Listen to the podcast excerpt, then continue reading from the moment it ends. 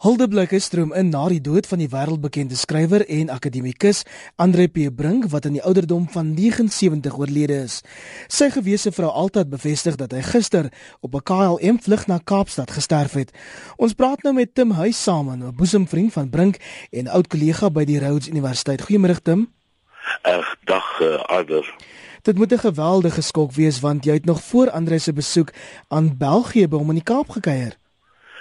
Iwer ek was baie kortliks daar aan huis gewees by hom in Karina en uh, saam met vriende die drie jaars en uh die ou Andre was nog daar teenwoordig maar hy was nie baie wel nie hy het gordelroos gehad. Hy was erg opgewonde om België toe te gaan.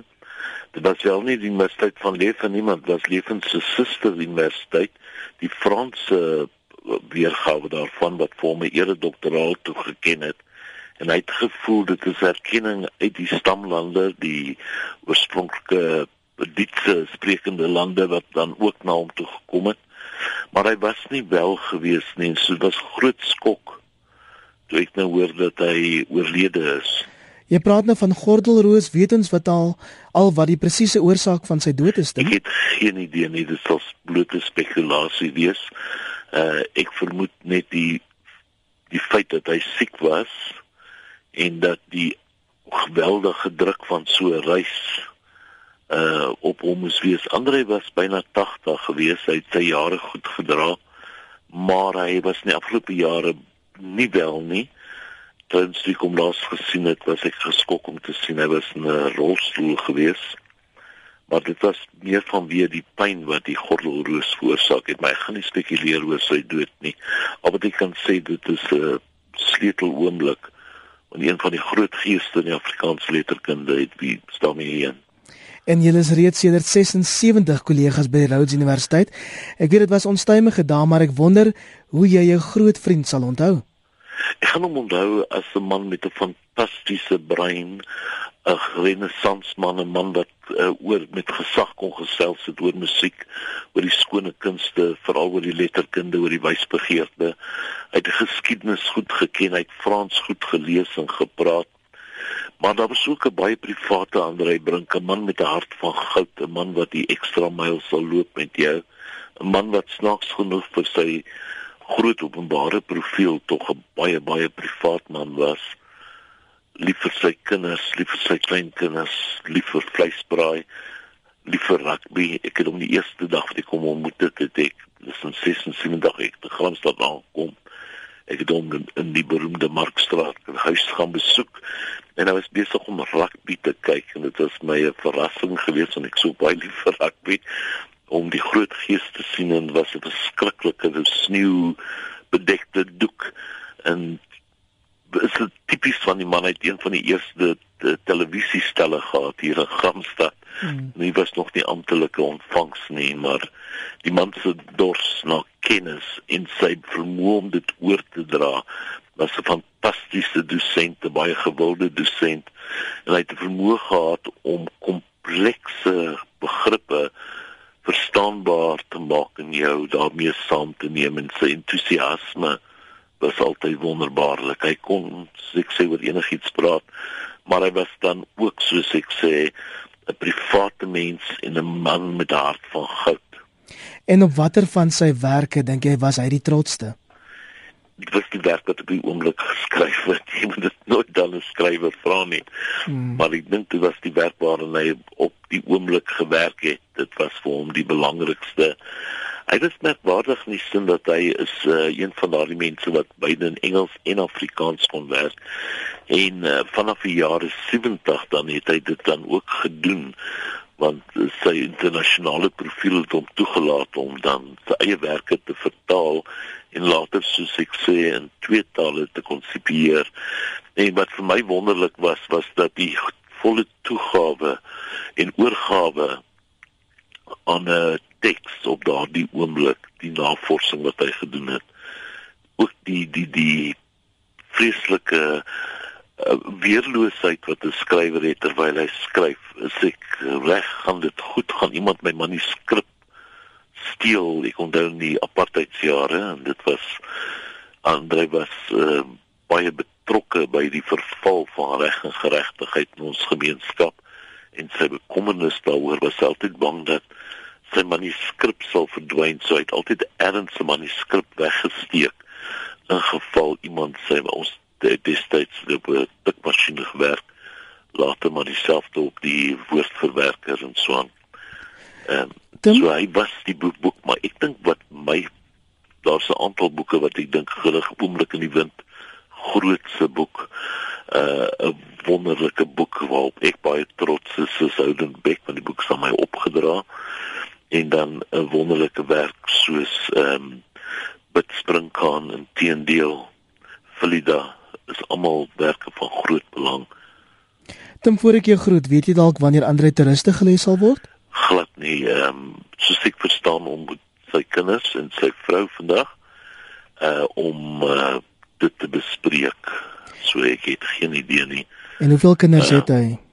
Ekskuus. Hoeveel kinders laat hy agter? Hy het vier kinders, 'n uh, dogter en drie seuns. Die, oudste seun Anton se kindskilder. Hy het ook 'n doktoraal in fisika.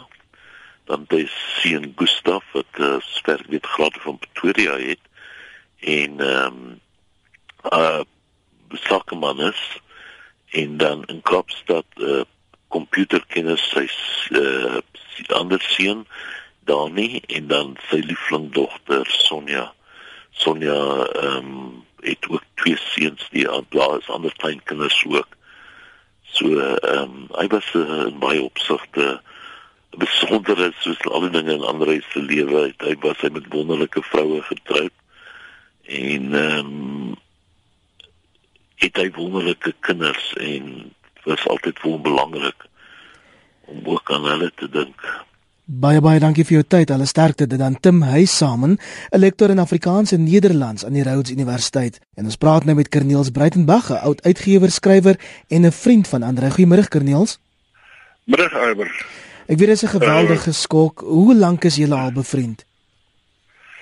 Man ek ken Andre al in uit die middel 70s uit toe ek uh, joernalis was en hy uh, by die stigting van die Afrikaanse skrywersgilde betrokke was.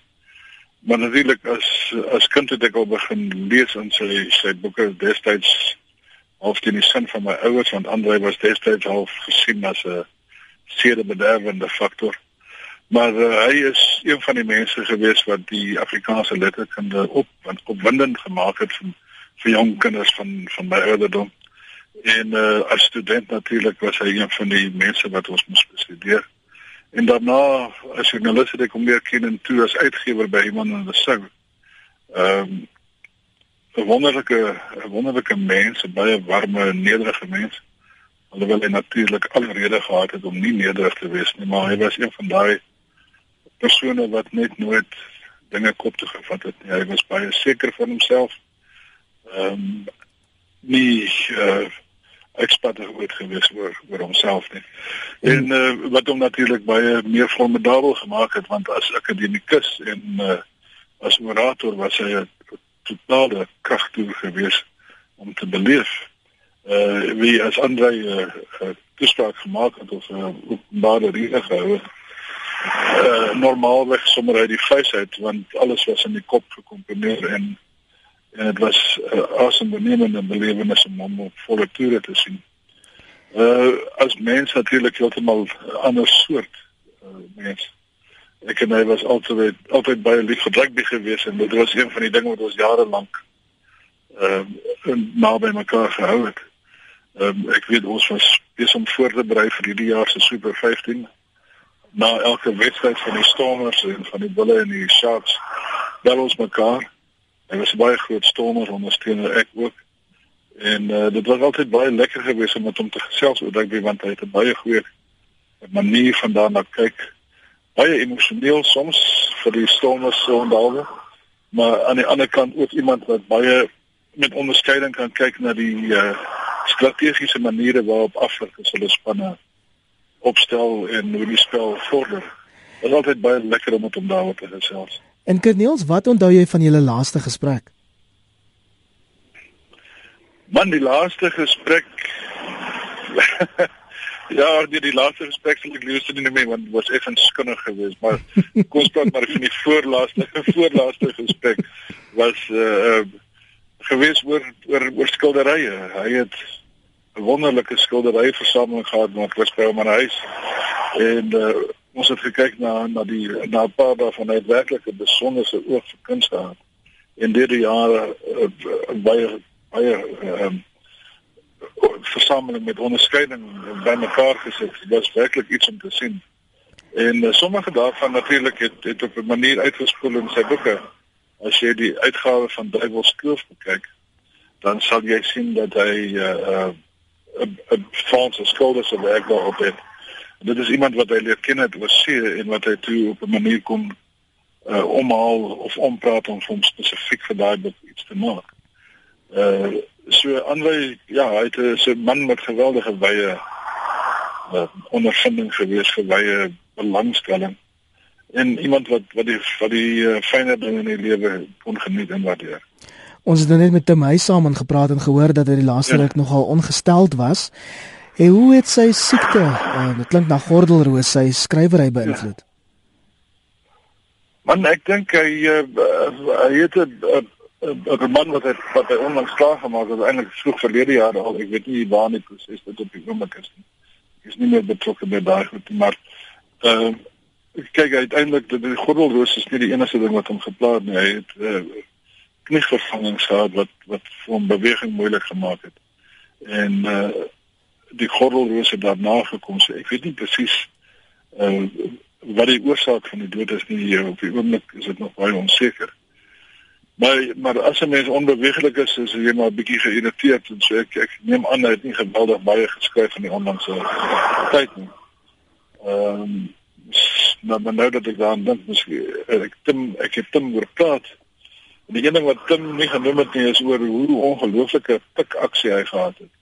Ja. Hy het al die jare met 'n tikmasjien gewerk en hy het so half skuins agter die tikmasjien in en dan met een hand het hy getik. En dit is 'n gewoonte wat hy oorgedra het op rekenaars. hy was net heeltemal goed rekenaar vriendelik nie, maar hy hy het ongelooflik vinnig getik met die een hand. En uh toe het ook genoem van die Afrikaans en die Engels, maar die een aspek daarvan is eintlik verbluffend geweest. Hy het in 'n stadium het hy uh, begin om om Afrikaans en Engels te gelyk te skryf. Uh dan sou hy 'n hoofstuk van 'n boek doen en 'n tweede hoofstuk in dieselfde taal. En dan wanneer hy dan sal hy dit dadelik vertel daai eerste twee hoofstukke en twee byskryf van die ander taal. En dan terug na die eerste taal en dan daai twee bykomende hoofstukke vertaal in die eerste taal. En so so 'n simbiotiese manier het die romans dan gegroei in Afrikaans en Engels te gelyk wat eintlik 'n verstommende ding is want jy moet onthou 'n skrywer werk maar met verbeelding hmm. en dit se verbeeldingstaal so hy kon in Afrikaans en Engels sy verbeelding inspan. Dit is eintlik 'n ongelooflike proses om te aanskryf by ander. En nou is die droë wit seisoen verby. Wel ja, nou is die geel seisoen hier loop mes vir hom. Maar uh, ja, dit is dit is gelaas, dit is lange groot nalatenskap wat hy gehad het. Jy weet hy sy eerste groot deurbraak was was 'n verstommende boek met die titel 'n bolle vir die lewe wat as 'n mens vandag terugdink in 1962 verskyn het in dieselfde tyd as sewe dae by die Silverstones van uh, Etienne Leroux. En uh, uh bring dit net 'n baie vrugbaarder uh, produksieproses as 'n mens dit sou kan noem gehad as Leroux. Leroux het langer gevat om te skryf. En uh, bring laat 'n magdom romans agter agter 'n hele klomp vertalings uit 'n absolute fabelagtige verwerking gemaak in Afrikaans van Alice in Wonderland. Hy het eh uh, uh, Don Quixote gedoen. Uh, hy het werklik 'n uh, uh, uh, verbluffende rykwyte gehad in die uh, manier wat hy met letterkunde omgegaan het. En dit wat hy vir ons in Afrikaans nalaat is is 'n monument om die minste te sê. Baie dankie. Ons praat dan 'n bietjie later in die program ook oor Andre P. Brink se literêre werk. Dit was Corneels Breitenberg, 'n oud uitgewer en skrywer en vriend. En ons sluit nou op Stellenbosch aan by die literator professor Ampie Kutse. Goeiemôre Ampie. Hallo, hallo Ivan.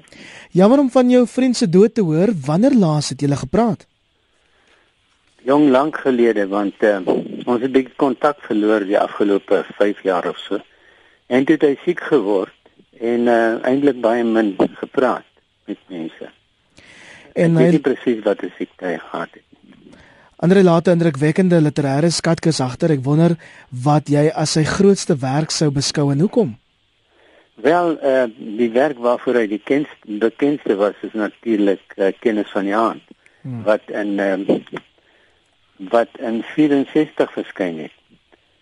Nee, in 74. 74 verbied is ja. 74 ja, in 72 verskyn. Ek dink nog altyd dit was sy beste werk, nie net omdat dit goed geskryf is nie. Uh want ander kon baie goed skryf, maar ook omdat dit die uh destyds publikasie wet uitgedaag het sonder dat dit doelbewus gedoen is. Dit is gegaan dis 'n oor 'n verhouding tussen jo, uh, Josef 'n blanke man en Jessica 'n bruin vrou. En uh beide die feit dat Andre taamlik oop was met sy seksuele werke, soos alreeds met Robola vir die lewe. Het hy uh natuurlik deur die uh by mekaar kom van wit en bruin. Het hy natuurlik die publikasie daar 'n publikasie dan by kwaad gemaak. Die publikasieraad was toe was dit voor de, voor ehm Houdenberg verbied het was professor Dekker van Potchefstroom die hoof van die publikasieraad.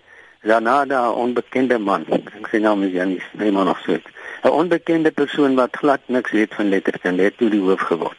Dit was natuurlik toe uh, die, die regering daar aangestel. Goed, nou dit is wat my betref die mees indrukwekkende roman, maar ook dan Houdenberg van 82. Dis oor 'n slaweopstand. En dit het aangesluit by hierdie kwessie van opstand. Opstand by in die geval van 'n gemeenskap. Hmm. En dis een of ander plek waar dit gebeur het lank gelede. En ek dink dit was ook vir my die belangrikste dis vir my is daar die opstand element in sy werk en sy uh, gebruik van seksualiteit. Is natuurlik gesê dat hy die vrou tipeer stereotipeer wat natuurlik tot 'n groot mate waar is.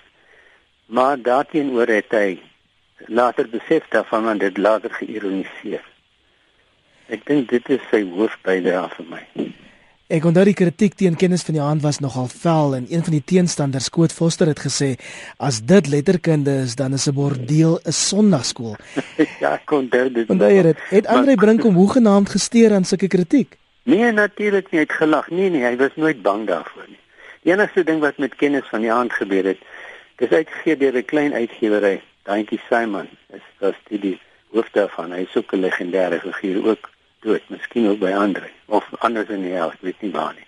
Maar in elk geval is dit uitgegee deur Buren Uitgewers wat 'n klein uh, soort van ondergrondse uitgewerytjie was.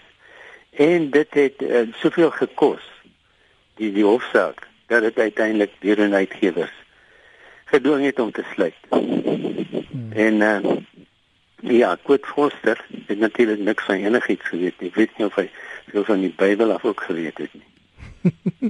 Kyk ons praat nou so oor kennis van die aand. Is dit die werk waarop Andre ook die trotste was? Waarop hy ja, ek dink so.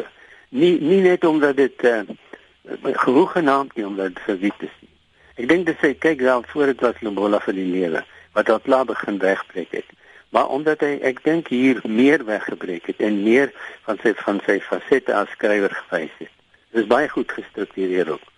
Wat destyds in die letterkunde as 'n goeie saak beskou. Dit was nie so van postmodernisties nie, heeltemal realisties. Die meeste van sy werk is realistiese werk met 'n storie. Hy het self gesê ons word in stories gebore. Wat nog 'n wysheid is, dink ek.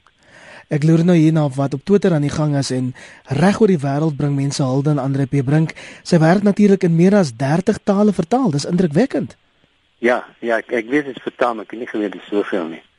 Ja, dit is baie indrukwekkend. En ek kan dink dat dit aanvanklik ook tot 'n uh, eh, uh, ambassadeur aanvanklik ook 'n aantrekkingskrag vir vir Engelssprekende, maar ook in die buiteland. Omdat dit daardie historiese wegbreek gehad het en toe het mense geweet jy kan skryf en uh, ek kan verstaan dat dit so baie tale vertaal is. Ek dink hy was self al uh daar was selfs van sprake dat hy die Nobelprys sou kon kry. Maar ja, die Nobelprys wat lank om toegekend te word. Maar spesifieke skrywer. Andre P. Brink was wel twee keer op die Boekerprys vir fiksie se kortlys.